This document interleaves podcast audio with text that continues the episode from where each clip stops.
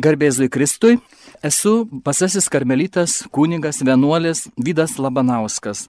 E, spalio 15 dieną mūsų karmelitų, basųjų karmelitų ordinas švenčia iškilmę Šventojios Jėzaus Teresės Avilietės, žymios e, katalikų bažnyčios šventosios. Ir manęs paprašė pristatyti, papasakoti apie mūsų, mūsų įkūrėją, mūsų motiną, mūsų ordino, kuri 16 amžiuje įkūrė mūsų vyrų ordiną. Ir galima sakyti, tai yra vienintelė moteris, kuri įkūrė ne moterų ordiną, bet vyrų ordiną. Ir mes, basėjai karmelitai, e, kaip savo motiną laikome šventąją Jėzaus Teresę. Aišku, Jėzus Kristus ir mergelė Marija visų pirmiausia, bet kaip fundatorė, kaip mūsų įkūrėjas teigia yra šventoji Jėzaus Teresė. Ir niekas ne, neprašė mistinių reiškinių tik tiksliai ir taip gerai, kaip šventoji Jėzaus Teresė. Galima sakyti, kad ji yra vienintelė tokia mistikos istorijoje. Ne tik e, karmelitų mokytoja, bet ir visos katalikų bažnyčios ir ne tik katalikų bažnyčios, nes jie domisi įvairūs dvasingumai, kitų religijų judėjimai žmonės ir kitos bažnyčios. Na, e, iš tikrųjų neįmanoma juos sukonspektuoti ir pateikti, tiksliausia, geriausia būtų, jeigu jūs patys imtumėte ir pradėtumėte skaityti jos raštus tiesiogiai. Na, per tą laiką, per tą, galima sakyti, 40 ar 50 minučių, e, gal ką nors ir bandysiu pristatyti. Reikia, kaip sakoma, geriausia tiesiai iš šaltinių, iš jos raštų semtis. Dabar trumpai apie Šventojios Jėzaus Teresės Avilietės biografiją. Gimė ji 25 kovo 1515 metais Aviloje, Ispanijoje. Ir jos tėvas buvo Alonso Sančias de Sepeda ir jo antroji žmona, Teresės motina, buvo Beatričė, Davila ir Aumada. Na, Teresė buvo vyriausiai iš dešimties vaikų iš šios santokos. E, nuo mažens pasižymėjo pamaldumu ir labai gerų mąstymų. Kai jai buvo tik tai septyni metukai, jis su savo broliuku Rodrygo pabėgo iš namų. Ir kodėl pabėgo? Jie skaitydavo namuose šventųjų istorijas. Ir jie perskaitė, kad, kad šventieji laimėdavo dangų, jeigu žudavo kaip kankiniai arba mirdavo persiekėjimuose. Jie, e, broliukas ir sesutė nutarė, sako, pabėkime iš namų ir mirkime kaip krikščionis, nes nueisime į musulmonų žemę ir mums nukirs galvas. Ir taip žaisdami tokį žaidimą, jie pabėgo iš namų, bet jų ketinimai buvo tikri. Tik ačiū Dievui, vienas dėdė, kuris jojo atgal į Javilos miestą, laukose juos pamatė ir paklausė, kur jie keliauja, pasiemė ten sumuštinių ir jie pasakė, kad išeina į musulmonų žemės, kad jiem nukirstų galvas. Na ir dėdė juos sugavo ir jie turėjo sugrįžti į namus. Štai koks nuotykis buvo Teresė, kai jin turėjo septynius metus. Na ir jinai Teresė turėjo didelę įtaką visiems žmonėms. Jau matome, kaip jinai takojo savo broliuką, kad net pakvietė jį būti kankiniu, eiti iškeliauti į, į kitą šalį jaunystėje. Na, jaunystėje, aišku, buvo truputį atšalimas nuo tikėjimo, bet, kaip pati Teresė parašė, niekada jinai nėra įžeidusi Dievo kokią nors didžiąją nuodėmę. Bet jaunystėje, kaip visiems jauniems žmonėms, jinai troško garbės ir norėjo patikti, kaip ir kitos merginos jaunos. Taip pat pradėjo skaityti, nuo pat mažumės skaitė su mama Riterio romanus, kurie buvo labai populiarūs tuo metu Ispanijoje, 16 amžiuje, nes ir pats miestas Avila buvo ryterių miestas ir dabar visi važiuoja žiūrėti tas ryterių sienas, kurios yra išlikusios gynybinės sienos, visi ryterių namai išlikę, labai gražus miestas. Bet Taip pat jinai turėjo norą atrodyti gerai, patikti bendramžiams ir taip pat rūpinosi labai kosmetika, kaip jinai aprašo savo raštuose, kvepalais, kad... bet jinai pati pasakė, nors niekada nesu įžeidusi Dievo sunkia nuodėmė, nors buvau įpuolusi į tokias tuštybės. Taip pat, kai buvo paauglė, prasidėjo negeros draugystės su netaip tikinčiais giminaičiais, ypač pusbroliais. Na ir kai tėvas, jos tėvas e, pamatė, tas tėvas Alonso Sančias pamatė, kad jinai jau pradeda truputėlį iš doros kelio gali išklysti, nors aišku, jinai nepadarė jokios mirtinos nuodėmės, nutarė ją atiduoti į Augustiniečių vienuolyną. Aišku, ir nepasakiau, kad kai septyni metai buvo, mirė jos mama ir todėl tėvelis jau nebegalėjo vienas jos prižiūrėti ir buvo daug vaikų ir todėl taip pat tą vienuolyną atidavė ją dėl, dėl tos priežasties. Tas vienuolynas vadinasi Santa Marija de Gracia. Na, paskui tame vienuolyne jin irgi pažino Dievą labai, nes ten buvo labai šaunės vienuolės ir jai pradėjo po truputį patikti tas vienuolinis gyvenimas, nors savo širdyje dar ne iš karto užsinorėjo kaip tapti vienuolė. Bet kai jis sulaukė 20 metų, jinai pabėga iš namų ir nutarė įstoti į vienuolyną. Kodėl jin pabėgo? Nes tėvas m, mm, sakė, kai aš numirsiu, tada tu galėsi įstoti į vienuolyną. Bet po truputį, kadangi jin pabuvo toje prieglaudoje, kurie vedė vienuolis, jai pradėjo patikti tas vienuolinis gyvenimas. Ir palgus svarstymų, ar ištekėti, ar būti vienuolė, jin apsisprendžia būti vienuolė. Ir štai tėvas sako, ne, kai aš numirsiu, tada tu galėsi eiti į vienuolyną. Ir todėl jinai kai jau buvo 20, e, kažkas jau greitai 21 metai sukako, jinai pabėga iš namų, kad įstotų į vienuolyną. Ir į vienuolyną įstojo, nes ten viena draugė jos buvo pažįstama. Ir tas vienuolynas buvo kaip tik karmelyčių vienuolynas. Vadinosi įsikūnyjimo vienuolynas, Aviloje tas vienuolynas. Na ir tas vienuolinis gyvenimas prasideda, bet mm, tas vienuolinis gyvenimas nebuvo toks, kaip jau mes jau dabar žinome, kokia jinai šventoji, kokia žymi. Jinai tikrai nepadarė jokios nuodėmės ir buvo pavyzdinga vienuolė, bet kai tik jie įstojo į vienuolyną, prasidėjo jos nesuprantamos lygos ir vienuolės nutarė, kad jinai turės išeiti kuriam tarpui iš vienuolyno ir pasitaisyti sveikatą. Na ir sugrįžta jinai į namus ir tas momentas jai padėjo labiau vėl susitikti Dievą jinai e, pradėjo skaityti dvasinės knygas, labai svarbes tų 16 amžiaus dvasinės knygas. Ir ypač labai palėtė tokia Pranciškono Osūnos knyga, vadinosi Trečioji abecelė. Tai buvo pirmoji knyga, kuri ją įvedė į gilesnį vidinį gyvenimą, į vidinę maldą. Na ir jinai buvo, galima sakyti, silpnos veikatos. Reikia pasakyti dar apie vienuolyną. Į tą vienuolyną, kur įstojo, tas vienuolynas buvo labai silpnos regulos, laikėsi seseris labai silpnai tos regulos. Visų pirma, ten buvo turtingos bajoraitės, kurios gyveno tame vienuolynė. Jos turėdavo didelės celės. Buvo neturtingos mergaitės, kurios įstodavo, jos turėdavo netokias didelės celės. Ir net tos bajoraitės turėdavo tarnaitės ir galėjo turėti ir tris celės, ir keturias, o tos neturtelės turėjo po vieną.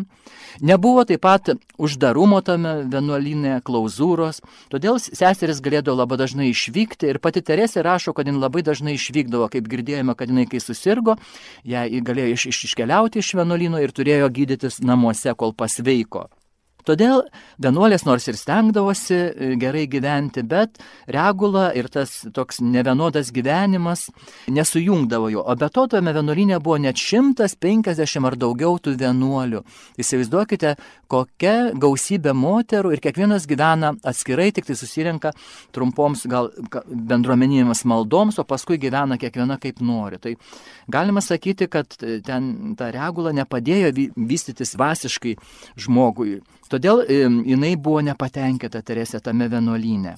Ir jinai pragyveno pavyzdingai, nes visos vienuolės iš 150 jo tikėjo, kad jinai yra labai gera vienuolė, niekada nepadarydavo jokios mirtinos nuodėmės, kaip jinai pati įsireiškė. Tai buvo pavyzdinga vienuolė tikinti iš viso širdies Dievą, bet neturėjo asmeninio susitikimo su viešpačiu. Ir tai pragyveno daugmaž 17, 18 ar 19 metų. Kai įstojo į vienuolyną, jin turėjo 21 metus, o atsiverčia jinai sustinka gyvą į Dievą tik 39 metų, bet iki to laiko gyvena pavyzdingai, nepadaro didžiųjų nuodėmių. Tai vad, kaip galime pamatyti, kad mes galime būti tikintis, nepadaryti nuodėmės, reguliariai eiti iš pažinties, atlikti visas ritualus, bet nepažinti tikrojo gyvojo Dievo, nesusitikti su tikrojo gyvoju Dievu. Mūsų gyvenimas pasikeičia, kai mes taip įtikim, bet Tik tai po tikrojo susitikimo su gyvuoju Dievu, išgyven, kurį išgyvename sieloje, Teresė taip pat atsivers, pamatysime.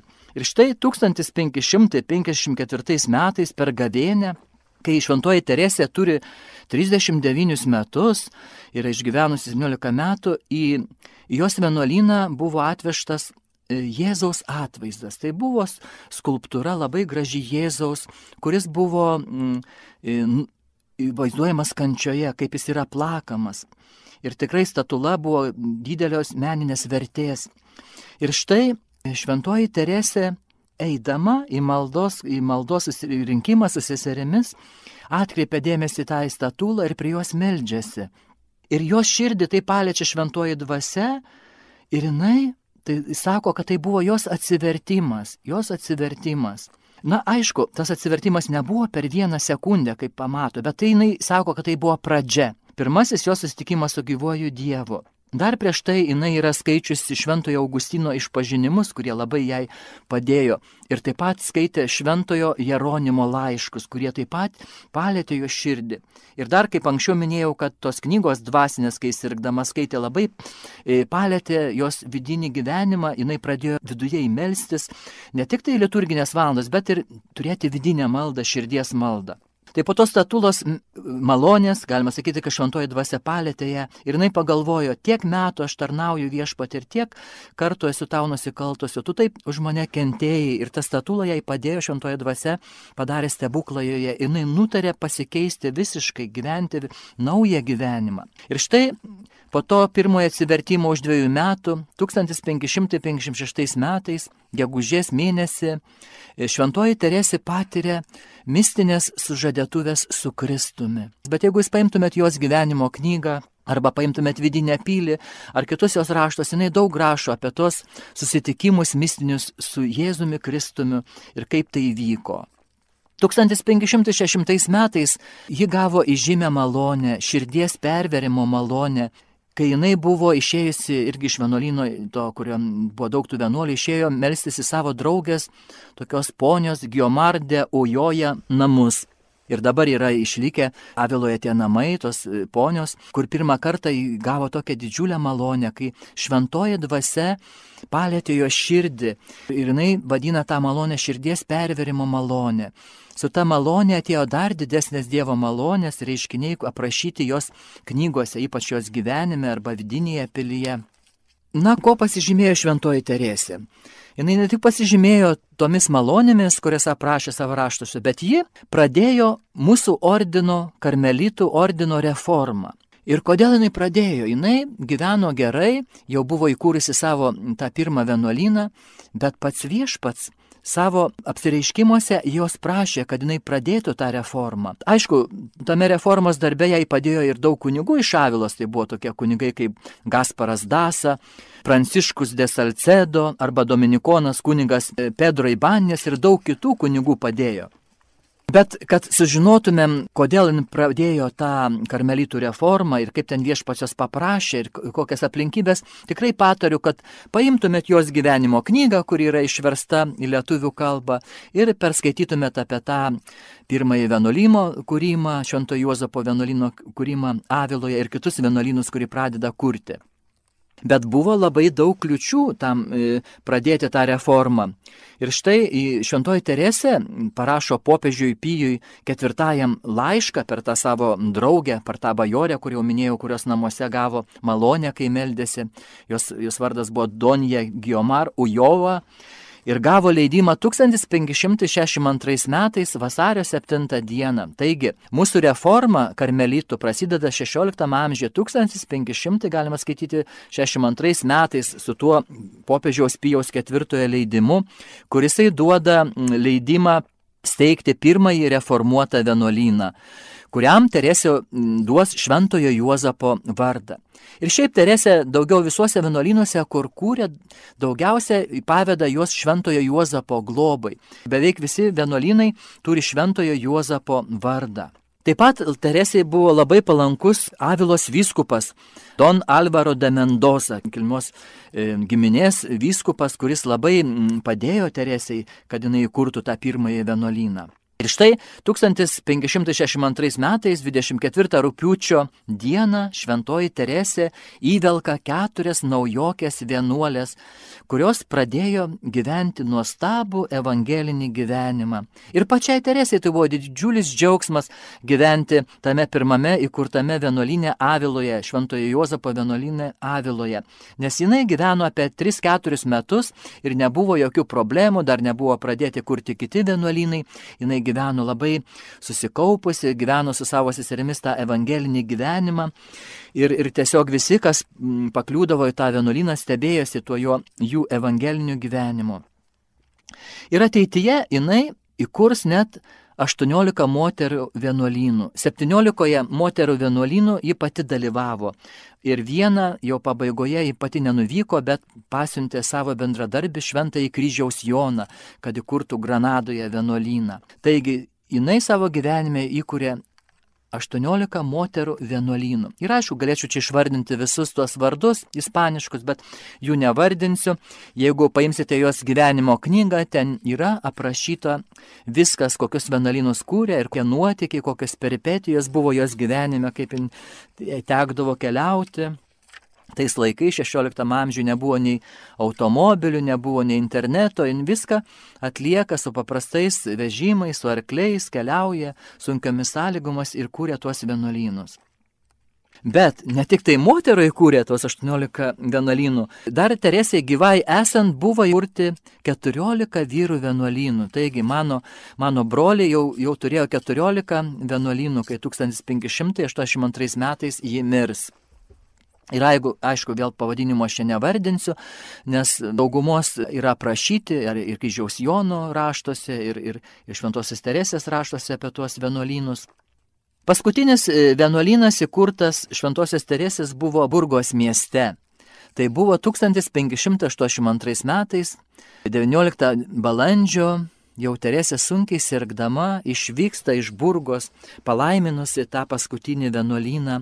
Ir jinai troško labai sugrįžti į, į Avilą, kur buvo įkūrusi tą pirmąjį Juozapo vienuolyną, kuriame, kaip sakiau, jinai praleido keturis, penkius mm, nuostabiausią savo gyvenimo metus ir norėjo sugrįžti ir ten tikriausiai iškeliauti pas viešpatį. Bet apvaizda norėjo, kad būtų kitaip. Ji vyksta per Palenciją, Vajadolidą ir Mediną del Campo ir 20 rugsėjo turi vykti į Alba de Tormes miestelį. Ji gavo tokį įsakymą iš savo ordino vyresniųjų, nes ten reikėjo padėti Albos kunigaikštieniai, labai prašė dvasinės pagalbos. Ir nors ir pati sunkiai sirgo, ji pakluso savo vyresniųjų įsakymo ir vyko į Alba de Tormes.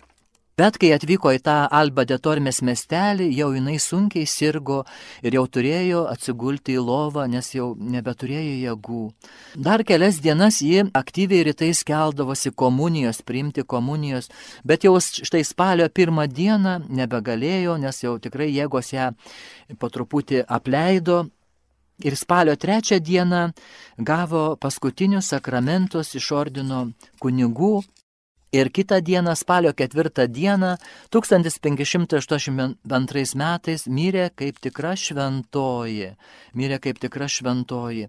Ir aišku, ta mirtis tai buvo labai iš tikrųjų tik pradžia, nes žinome, kad kai šventieji pabaigia savo darbą žemėje, jie pradeda darbus danguje. Ir mūsų šventoji Teresė Paskelta palaimintaja jau 1614 metais, balandžio 24, popiežius Paulius V ją paskelbė palaimintaja. Na, o kanonizuota šventaja, tai popiežius Grigalius XV 12 kovo 1622 metais kartu su kitais įžymiaisiais šventaisiais Ispanijos, tokiais kaip Ignacas Loyola, Pranciškus Ksaveras arba šventasis Pilypas Nėris, yra e, paskelbiama ir Teresė paskelbiama šventaja, yra kanonizuojama. Ir šventoji Teresė yra Ispanijos globėja, taip pat Ispanijos kariuomenės globėja ir paskirta visų Ispanijos rašytojų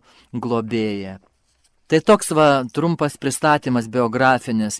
Na, reikėtų pakalbėti apie Šventojios Teresės paveikslą. Taip gaila, bet mm, nėra labai gerų mm, nutapytų paveikslų. Kai ji buvo mm, Sevilijoje, kai kūrė Sevilijoje seserų vienuolyną, ir, ir jau broliai ten buvo, ją nupiešė, nutapė brolis Italas, jo vardas buvo Jonas, skurdo Jonasis. Tai įvyko 1576 metais. Ir Teresė turėjo tada apie 61 metus.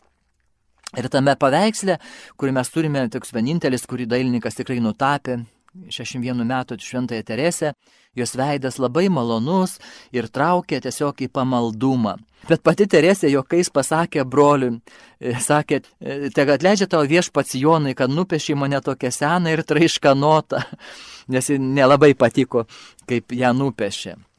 Bet mes turime taip pat ir kitą paveikslą padarytą arba nupieštą plunksną. Kaip suprasti plunksną, juk žinome, kad tais laikais nebuvo nei parkerių, nei tušinukų, nei jokių rašymų priemonių, tokių kaip dabar turime, viską rašydavo plunksną. Tai viena sesuo, vienuolė, šventojo Juozapo Marija, tą seserį labai Teresė mylėjo ir su tą seserim susipažino, kai buvo Teresė Toledė pas vieną žymę karališko šeimos damą ir ta dama turėjo tą tarnaitę Mariją. Ir jinai tą Mariją, šitos tarnaitės įstojo pas Teresę, pas seseris ir Teresė ją labai pamylo. Ir vėliau ta sesuo Marija taps Sevilijos priorė.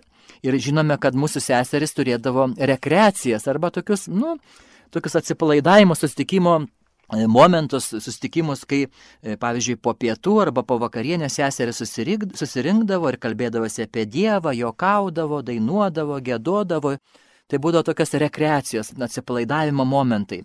Tas rekreacijas taipogi įvedė Teresė, tai buvo naujovė vienuolynuose, tais laikais būdavo labai griežti vienuolynai ir tų rekreacijų net nebūdavo, visi eidavo į savo celės. Tai jinai nutarė, kad būtų tos rekreacijos du kartus dienoje ir dabar mes ir broliai, ir seseris mes turime rekreacijas. Iš per dieną du kartus bendruomenė susitinka, jokauja, kalbamės, kaip jaučiamės, tiesiog bendraujame. Tai ta, ta vienuolė rašė rekreacijų knygą ir toje rekreacijų knygoje tiesiog aprašė, kaip kokia buvo Teresė. Ir jinai rašo apie Teresę rekreacijų knygoje, kad mm, Teresė buvo aukštesnio nei vidutinio ūgio ir jauna buvo labai labai graži. Ir net kai paseno, grožis išliko.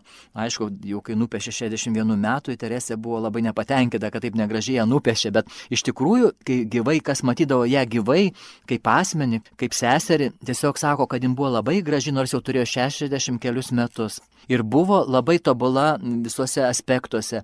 Turėjo bendravimo dovaną, mokėjo bendrauti su visokiais žmonėmis. Akis Teresės buvo juodos, turėjo tris nedidukus apgamelius kairėje veido pusėje, buvo labai gyva, atvira, išmintinga, gabi ir linksma pokalbiuose, mokėjo prisitaikyti prie visų situacijų ir prie visų asmenų. Tikrai žinome, kad jin mokėjo bendrauti nuo aukščiausių asmenų iki nuo karalių iki pat paprasčiausių vargšų. Buvo labai garbinga, labai nuoširdi ir dar buvo labai dėkinga visiems labai mokėjo su visais draugauti ir visiems atsidėkoti. Mm, dabartiniai autoriai, kurie tyrinėja Šventąją Teresę, pažymi, kad Teresės psichologija yra labai turtinga. Kaip suprasti psichologiją turtinga? Tai aš tai suprantu, kad jinai mokėjo bendrauti su, visokiu, su visokiais žmonėmis, su kilmingaisiais, nekilminingaisiais, su turtingaisiais, su vidutiniais pirkliais, su netikinčiais, su musulmonais, su žydų žmonėmis. Vienu žodžiu, jos psichologija buvo prisitaikydavo prie visų. Tai tada sakome, kad Teresės psichologija yra labai turtinga. Tiesiog neįmanoma jos apriepti. Gerai, dar reikėtų, pristatant Teresę, pakalbėti apie jos raštus, nes Teresė atsiskleidžia daugiausia savo raštuose tai, ką ji paliko. Turėjo Dievo dovanas, jinai, Dievas jai suteikė daug dovanų. Taip, bet ne tik dovanų Teresijai suteikė Dievas, bet suteikė ir supratimą, kaip tas dovanas paaiškinti. Ir visa tai atsiskleidžia jos raštuose. Jau kalbėjau pradžioje, kad kai buvo jauna mergaitė, jinai labai patiko jai riterių romanai. Ir skaitydavo tiesiog, užsidegusi skaitytoja buvo tų riterių romanų, nes žinome, kad jie labai paplytė 16 amžiuje Ispanijoje per riterius. Ir tai turėjo irgi įtakos jos literatūrai, jos raštams, juk pavyzdžiui, jos knyga Vidinė pilis tiesiog yra kaip atspindys, jin rašo apie pylį, nes ir Avila buvo riterių miestas ir, ir tiesiog matome jos tos Avilos mūrus ir dabar, ir tai įtakojo ją ir net į savo darbą pagrindinį tą vidinę pylį pavadina tiesiog tokiu riterišku pavadinimu. Teresė, e, kai buvo maža, su broliuku Rodrygu net sukūrė vieną romaną apie riterius ir jų istorijas. Ir kai giminės giminaičiai perskaitė, pamatė tą romaną, ar draugai visiems tas romanas labai patiko. Na ir visa tai įtakojo, paskui jinai atsisakė tų riterių romanų skaitimų, bet tas skaitimas, tie tų romanų literatūra, metodai naudoti, jai labai pasitarnavo, kuriant jos raštus. Kokius informacinius šaltinius panaudoja Teresė savo raštuose? Aišku, Teresė Dievas kalbėjo tiesiogiai į jo širdį ir jinai viską, viską aprašydavo, tą patirtį bendravimo su Dievu. Tiesiog Dievas tiesiogiai suteikdavo daug malonių. Kaip ir visi kiti mystikai, kaip šventasis Bernardas arba šventoji Gertrūda ir Teresė, rašo viską iš savo patirties iš savo vidinės patirties. Todėl galime pasakyti, kad raštuose nieko nėra, ko jinai nebūtų patyrusi. Tai turi didelę reikšmę tas, kas skaito, nes tai liečia mūsų širdį, kai mes skaitome, kad tai yra viskas iš patirties. Ir ji nesinaudoja beveik kitomis knygomis. Aš jau minėjau, kad skaitė ten keletą tų dvasinių knygų, skaitydavo knygas, bet ne tiek jau ir daug. Teresė dažnai e, skundžiasi savo raštuose, kad turi blogą atmintį ir kad neatsimena, ką perskaitė arba ką jai koks kunigas aiškino dvasiniuose pokalbiuose ar, ar, ar išpažintise. Teresė aprašo savo mistinės patirtis ir bendravimą su savo nuodėmklausiais, nes jis su jais, aišku, visą laiką konsultuodavosi, nenorėdavo iškrypti iš, iš tikėjimo, iš doros kelio. Tiksliai mes žinome, ką jinai skaitė. Jinai skaitė, kaip jau minėjau, Augustino, švento, šventojo Augustino išpažinimus, skaitė šventųjų biografijas, Flios Sanctorum, labai populiarias 16 amžiuje.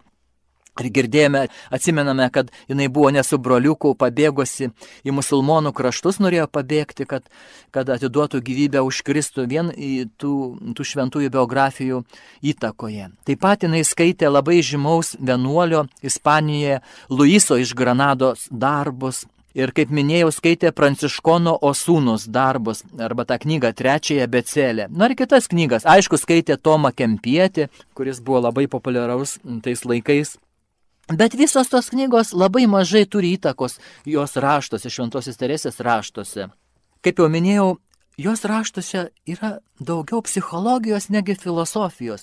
Jis pasineria į vidinį pasaulį, į savo patirtis. Taigi, tai mes pasinerime į jos vidinę psichologiją, bet ne į filosofiją. Jis negražbiliauja. Na aišku, raštai turi psichologinį charakterį. Nėra jokios filosofinės teorijos. Teresė aprašo tai, ką patiria, aprašo tai, kas vyksta jos sieloje. Nebando filosofiškai paaiškinti savo mistinio susivienimo su Dievu, kokia jos esmė, kaip, kaip išreikšti tą esmę. Ji tiesiog sužavė, nes aprašo savo patyrimus. Ir jos, jos raštus galime drąsiai pavadinti mistinę autobiografiją. Tai yra jos sielos istorija. Ir jinai aprašo savo raštuose skirtingus maldos laipsnius arba pakopas.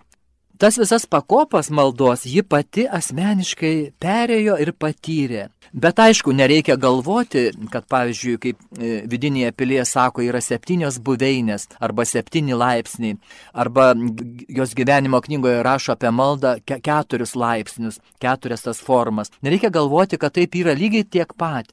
Tai yra simboliniai skaičiai, nes jinai pasirenka kaip modelį papasakoti kaip yra einama maldoje, tam vidinėme gyvenime per maldą. Bet nereikia galvoti, kad yra septyni laipsniai, nei daugiau, nei mažiau, nes pas kiekvieną žmogų gali būti atskiri tie laipsniai. Tai yra tik tai dėl pedagogikos simboliškai pasirinkta, kad galėtų mums pedagogiškai pamokyti apie tą maldą. Taip, dabar kokia visų jos raštų literatūrinė vertė? Visi mokslininkai pasaulio, kurie tyrinėja Teresę ir literatūrologai, yra pripažįsta, kad tai yra pirmos kategorijos rašytoja. Visi kritikai pripažįsta, kad XVI amžiuje jos raštai turi neįkainuojamą reikšmę. Kodėl? Nes ji į savo knygas perkelė 16 amžiaus aukso amžiaus, Ispanijos aukso amžiaus šnekamąją kalbą. Jeigu mes dabar žinome, kaip 16 amžiuje žmonės kalbėjo, tai daug prie to prisidėjo šventoji Teresė, nes ji rašė taip, kaip paprasta liaudis kalba. Todėl, kai mes skaitome jos raštus, reikia labai patartina jos net geriau klausytis, negu skaityti mintinai, nes kai girdime jos raštus kalbant, įsivaizduokite, ką girdime, kaip kalba 16 amžiaus valstietis ar valstietė. Nors jis buvo bajoriškos kilmės, bet Teresė kalbėjo kaip paprastai liaudė žmonės. Jeigu daug kas iš istorikų arba literatūros žinovų gali pamėgdžioti Cervantesą ir rašyti Don Quixoto stiliumi, tai su šventaja Teresė tokie juokeliai neišeitų. Kodėl? Nes šventoji Teresė yra labai originali, jos negalima taip lengvai pamėgdžioti. Ji liaudės kalba paaiškino subtiliausius Dievo veikimo dalykus kurie pas kitus mystikus jo amžiaus ar dar senesnių amžių yra aiškinami labai miglotai ir tamsiai ir žmonės m, tikrai skaitydami nesupranta, pasimeta savokose, teorijose, visokiose švedžiūnėjimuose, filosofijose, bet šventoji Teresė labai aiškinamai, labai paprastai paaiškino tuos dalykus. Šventoji Teresė kalbėjo apie Dievą ir apie aukščiausias mistinės patirtis ir taip pat kitas teologinės paslaptis taip, kaip, nu, kalba šeimininėme pokalbėje, kai kalba šeima, gal net ir dabar Kastilijoje, Ispanijoje, kokia šeima susėdusi prie ugnies, prie žydinio ugnies, prie, prie stalo, prie vakarienės stalo kalba. Ir tai galime pajusti tą atmosferą jos, jos raštuose, kai skaitome. Na, reikėtų truputį, kad susipažinti su šventaja Terese, jos šventai, truputį apie jos pristatyti jos raštus, ką jin parašė ir ką tenai tie raštai išreiškia. 1562-65 metais per tris metus parašė gyvenimo knygą. Na, tai yra didžiausias iš, visos, iš visų jos kūrinių, didžiausia knyga, turi 40 skyrių. Teresiai malda yra kertinis akmuo Todėl Teresė daugiausia apie ją ir rašo toje knygoje. Žmogus, jo vidinis pasaulis arba siela yra kaip sodas. Sodas, kuriuo rūpinasi Dievas ir pats žmogus turi rūpintis tuo sodu. Ir aišku, žinome, kad karmelis išvertus iš arabų kalbos arba iš hebrajų kalbos sodas karmelis yra karmelis, o karmelis reiškia sodas. Užtat mes karmelitai ir vadinamės karmelitai, nes labai mes pasinerėme į savo vidinį gyvenimą, į savo sielą, į savo dvasinį gyvenimą. Tai todėl ir, ir rašo Teresė, kad mūsų siela yra kaip sodas ir rašo, kad tas sodas turi būti laistomas. Ir kaip turi būti laistomas? Jis aprašo, kad vienas iš laistomo būdų tai yra maldos. Nes viešpats mūsų laisto per maldą, kai mes melžiamės. Na ir Teresė aiškina toje knygoje skirtingus maldos būdus. Nuo paprastos žodinės maldos iki mistinės kontempliacijos, pačios aukščiausios maldos formos. Ir štai garsioji vokietė filosofė, kuris visą Europą žino ir dabar yra Europos globėja, žydė Edita Stein, perskaičiusi vienu kartu, nes jin kai pradėjo skaityti knygą, tai negalėjo atsitraukti, perskaitė nuo pradžios iki galo tą gyvenimo knygą, Edita Stein sušuko, čia yra tiesa ir atsivertė į katalikybę. Tai šiek apie tą knygą. Kita knyga, Šventosios Teresės, viena iš didžiųjų jos knygų yra Tobulybės kelias. Ta knyga parašyta 1562-64 metais, per du metus. Jei tą knygą visą laiką įsako kunigai, jinai ne pati susigalvoja, kad rašyti tas knygas, bet tiesiog kunigai liepia, nes jos seseris prašė, Teresė, palik mum kažkokią formacijos vadovėlį, kažkokią knygą, kurią mes seksime kad mes galėtumėm toliau eiti tuo dvasingumo keliu, karmelitų dvasingumo keliu. Ir štai tėvas Dominikonas Banijasas liepia jai parašyti tą knygą Tobulybės kelias. Jis pavadina tą knygą Tobulybės keliu ir jai parašo.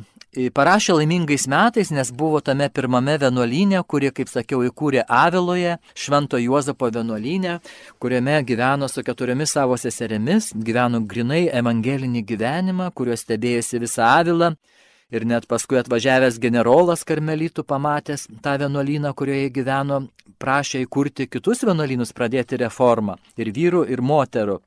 Taigi, parašo tą knygą Tobulybės kelias. Tobulybės kelias yra labai lengva knyga ir yra labai lengvai suprantama, galite kiekvienas paskaityti, nes tikrai jau mūsų seseris Karmelitės ją išvertė į lietuvių kalbą, yra išleista lietuviškai, yra suprantama ir pasiekiama visiems. E, aišku, yra tos knygos dvi redakcijos - Eskorialo ir Vajadolido. Ir aišku, mes e, skaitome daugiausia Vajadolido tą redakciją, kuri yra jau pataisyta geresnė. Na, reikėtų daug kalbėti apie tas redakcijas. Žinome, tik tai trumpai pasakysiu, kad Teresė yra labai garsi, e, kad gina moterų teisės jau 16 amžiuje, galime pavadinti, kad yra pirmoji moteris, kuri kovoja už moterų teisės, bet kovoja krikščioniškai, yra, yra krikščioniškojo feminizmo pradininkė. Ir, ir, ir ne, pirma, pirmame tame leidinyje kuris yra prie Eskorielė ir labai yra pasižymi tokiais tekstais, kurie galima priski, pavadinti gali krikščioniškojo feminizmo tekstai, kuri gina moterų teisės. Ir aišku, truputį turėjo pataisyti, tada išėjo antras, antras leidinys. Na, bet čia jau, kai skaitysite jos biografiją arba skaitysite jos raštus, tai, tai sužinosite. Mes čia neturime nei vietos, nei laiko kalbėti apie tas subtilybės. Kitas jos e, kūrinys ir pati žymiausias kūrinys, galima sakyti, yra vidinė pilis arba buveinės. Irgi yra išleista lietuviškai ir labai gerą vertimą turime tos knygos, tad galite įsigyti, tikrai kviečiu ir paskaityti tą jos knygą. Na, aišku, jinai bus sudėtingesnė. Tai yra Teresės darbo viršūnė. Parašė būdama 62 metų, buvo jau labai aukštame dvasinėme lygyje pradėjo rašyti Toledo vienuolinę, du mėnesius ten, nu, rašė keletą savaičių, paskui padarė pertrauką penkių mėnesių ir pabaigė Avilos vienuolinę. Tai įsivaizduokite, tokią aukšto lygio knygą parašė per du mėnesius. Tai mokslininkai sako, kad tai tikrai buvo įkvėpta šventosios dvasės, nes parašyti tokio aukšto lygio knygą per du mėnesius, kuri yra jau pripažįsta visame pasaulyje kaip klasika, dvasinė klasika, Ir tuo pat metu per tuos du mėnesius ji daug sirgo, labai serganti buvo, daug labai reikalų sutvarkė, apgynė ordino kūrimąsi tenai. Buvo pati audringiausia epocha visiems karmelitams. Ir įsivaizduokite parašyti tokią knygą. Tai tikrai šventoji dvasia padėjo jai parašyti tą knygą. Ir vėl tą knygą jinai neparašė iš savo galvos, jai įsakė tėvas Grasianas, basasis karmelitas, kurisai, galima vadinti, buvo dešinioji Teresės ranka karmelitų reformoje. Ir kaip jinai rašė tą knygą, dažniausiai rašė po komunijos arba pamaldos, kai pasimelsdavo vidinę maldą ir rašydavo tą knygą. Yra daug išlikę seserų liūdėjimų, kad kai įrašydavo, ją matydavo seseris, matydavo, kad jį rašydavo labai greitai. Tiesiog atrodydavo, kad kad kažkas jos tiesiog jai įkvepia tai, ką rašyti. Rašydavo labai greitai, tiesiog jos ir veidas spindėdavo dieviškų grožių, ji būdavo paskendusi rašyme.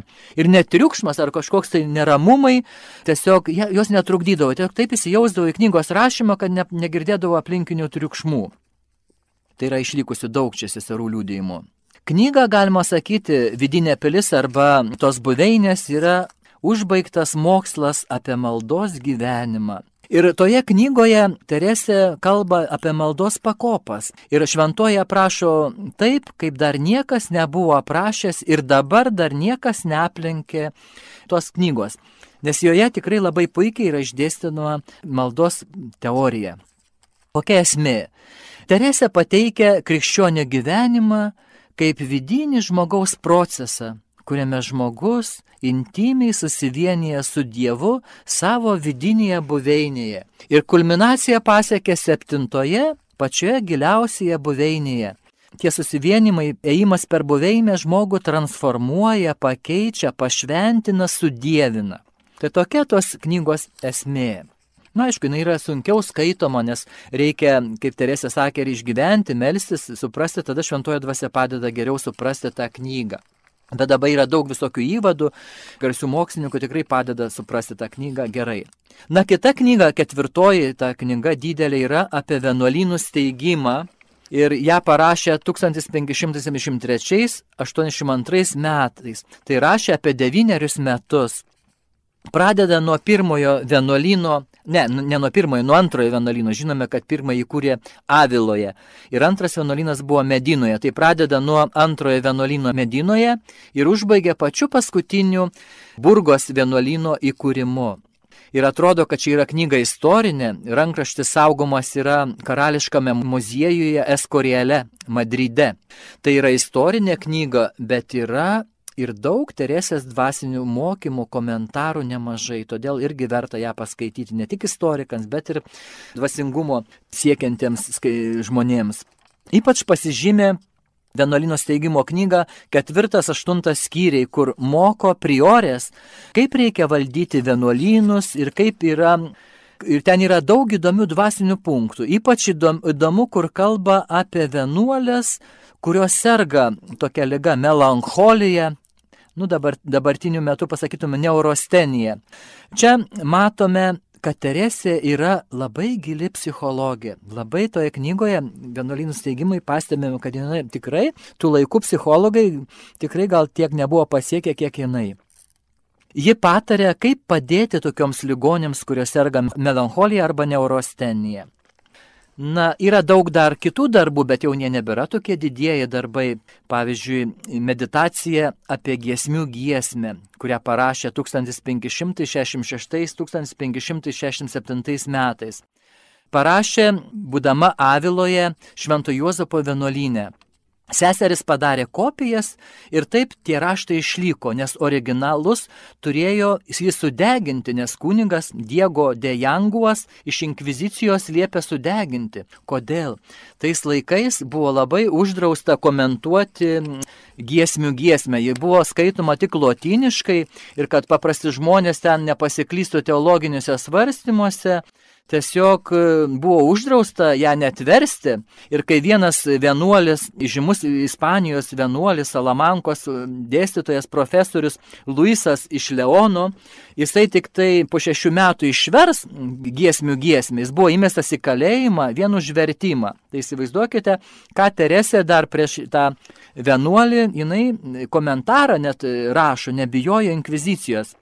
Ir ta knygelė, e, kaip ta Dievo meilės savokos arba meditacijos apie giesmių giesmį, yra labai susijusi su vidinė pilimi. Ir, ir tikriausia yra lietuviškai išversta, aš tikiuosi, dabar neatsimenu, bet atrodo yra.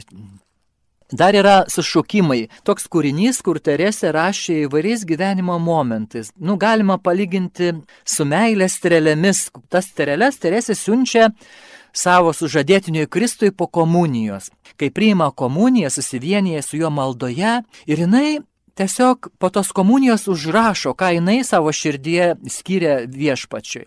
Galime rasti kažką panašaus pas apaštalą Paulių arba pas šventąją Augustiną, galime rasti tokių panašių sušūkimų, ispaniškai eksklamacionės.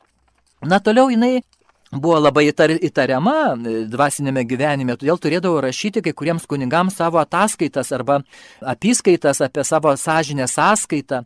Tai ir išėjo tokie, dar paliko tokias knygutės, vadinasi, Quentas de Consciencija arba sąžinė sąskaitos. Tai rašė Teresė įvairiais gyvenimo metais, kad jos nuodėmklausiai geriau suprastų, kas vyksta jos sielos viduje, kad geriau suprastų jos sielos vidinę būseną tų sąžinės apiskaitų yra išlikę daugiau nei 60. Na, dar jinai yra parašysi tokią knygutę, vadinasi Basųjų karmelyčių vienuolino lankymo būdas. Nes broliai karmelitai mes nežinojome, kaip lankyti mūsų seseris ir kaip, nes turėdome kiekvienais metais vyresnėje vykti ir dabar vyksta pas seseris, kaip, kaip patikrinti, ar gerai veikia vienuolynas. Ir štai pati Teresė Vilietė parašo, ką aplankius, ką reikia tikrinti vienuolinę, kur žiūrėti, kad žinoti, kad vienuolynas gerai tarnauja viešpačiui. Maža knygelė, kurią parašė, parašyta Kai sakiau, irgi įsakymų parašyta, jinai pati niekada nerašydavo be įsakymų. Ir originalas yra saugomas Ispanijoje, taip pat karališkoje bibliotekoje. Na, Teresė pateikia nuostabius patarimus kunigams, kurie lankys vienuolynus, kad būtų išlaikyta regula ir mūsų karmelitiškas dvasingumas. Dar yra konstitucijos, pirmosios konstitucijos parašytos Aviloje 1562 metais. Ir jinai užsimena apie jas savo tobulybės kelyje taip pat. Teresė tose konstitucijose pristato karmelitų generolui Jonui Krikštytojui Rubeo, kuris atvažiavo į Ispaniją ir pristato vienuolyną. Tai buvo, galima sakyti, kad pirmasis mūsų generolas, kuris patvirtino tas konstitucijas ir buvo labai sužavėtas ir todėl leido Teresijai kurti kitus vienuolynus ir net kurti vyr, vyrų vienuolynus. Ir mes irgi esame įkurti per Teresę. Na, dar yra išlikę įspėjimai, patarimai Teresės, ten yra apie 69 patarimus savo vienuolėms. Bet dabar mokslininkai ginčijasi, kurie priklauso jezuitams, nes jinai turėjo daug nuodėmklausių jezuitų, ar kurie priklauso jai pačiai kaip karmelitai. Dabar yra ginčiama jų autorinės teisės, kas iš tikrųjų yra jų, bet į, į, dažniausiai raštus iš, yra išleidžiami. Na aišku, ir dar išlieka Teresės poezija. Kūrė daug savo vienuolėms, ypač toms rekreacijoms, bendravimams ar įvairioms religiniams šventėms, bet išliko mažai. Bet kai kurios poezijos labai žinomos. Jeigu prisiminsime Nada Teturbė, giesmę, tu nebijok ir neliūdėk, viešpas globoja visą tave, mes tą žinom ir lietuviškai, tai ze giesmėse gėda labai dažnai. Ir, kiti, ir kitos giesmės, kaip Vyvos in viviren mi arba Vestrosoj paravos nasi, gimiau jums ir jums gyvenu viešpate, išvertus į lietuvių kalbą. Arba gyvenu, gyvenu, bet negyvenu ne dėl savęs, bet dėl viešpatės, jeigu taip greitai išvertus. Na ir paskutinis kūrinys išlikęs, nu ne kūrinys, laiškai Įsivaizduokite, ji parašė apie 15 tūkstančių laiškų. Per savo tą apaštalinį laikotarpį, kai buvo aktyvi ir aišku, neparaš, dar, dar kai nebuvo aktyvi, apie 15 tūkstančių, bet gaila, išliko ne, neišliko tiek daug. Yra išlikę 441 laiškas, 441 laiškas ir kai kurie fragmentai be konkrečios datos. Bet jau yra atskira knyga. Įsivaizduokit 441 laišką. Ir juose jie yra dar mažai ištyrinėti, bet va išlikę laukiam tyrinėtojų apie Teresės laiškus ir, ir jų tikrai neturime lietuvių kalboje iš, išversta reikėtų kalbėti apie Teresės mokymą, dvasingumą, bet jau laikas spaudžia ir mūsų tas susitikimas kažką sužinojame apie šventąją Teresę. Tik tai dar norėjau pasakyti, kad sakiau, kad jinai iškeliavo pas viešpati spalio ketvirtą dieną, ir, bet dabar mes švenčiame Teresę spalio 15 ir spalio 15 švenčiausios Teresės iškilmės šventė karmelitų bažnyčiose visame pasaulyje. Bet kodėl dabar spalio 15, jeigu mirė spalio spalio ketvirtą per Pranciškų Asižietį ir kitus. Kai ji mirė Alboje de Tormes, Tada kaip tik tai tą mirties dieną buvo keičiamas kalendorius. Ir spalio ketvirtoji, spalio ketvirtoji keičiant katalikų kalendorių, tapo spalio 15. Todėl mes žinome, kad visą laiką šventuosius švenčiame ne jų gimimo dieną, bet švenčiame jų gimimo dangui dieną. Tai spalio 15 Teresė pagal senąjį kalendorių spalio 4 mirė, bet iš tikrųjų pagal naują kalendorių spalio 15 iškeliavo į dieviškojo tėvo namus ir yra tarp visų šventųjų. Ir, ir mes tikime, kad ir dabar veikia, nes jinai veikia net ne tik per savo tuos raštus, nėra jie kaip šventasis raštas, šventasis raštas yra Dievo įkvėptas, bet jos, jos raštai taip pat veikia, labai daug žmonių atsiverčia. Ir visas mūsų ordinas karmelitų ir seseris, ir, ir, ir mes broliai, ir mūsų pasauliečiai karmelitai, mes remiamės jos raštais. Ir šventoji Teresė gyvena dabar pasaulyje per savo brolius ir seseris. Ir per savo Ir dar viena pastaba, kai buvo antrasis Vatikano susirinkimas, daug kas, ką ten buvo skelbiama, Teresa jau daug tų nutarimų skelbė, galima sakyti, 400 metų anksčiau. Tai tiek apie šventąją Teresę Avilietę ir prašykime tiesiog jos užtarimo, nes ji tikrai yra danguje ir šventosios Teresės maldos ir užtarimas mums padeda ir kviečiu įsigyti jos raštus, skaityti ir labiau pažinti Karmelio šventuosius ir šventasias. Ačiū uždėmesi, su Dievu, Dievo palaimas visiems. Girdėjome brolio Karmelito kunigo Vido Labanausko katechezę apie šventąją Teresę Avilietę.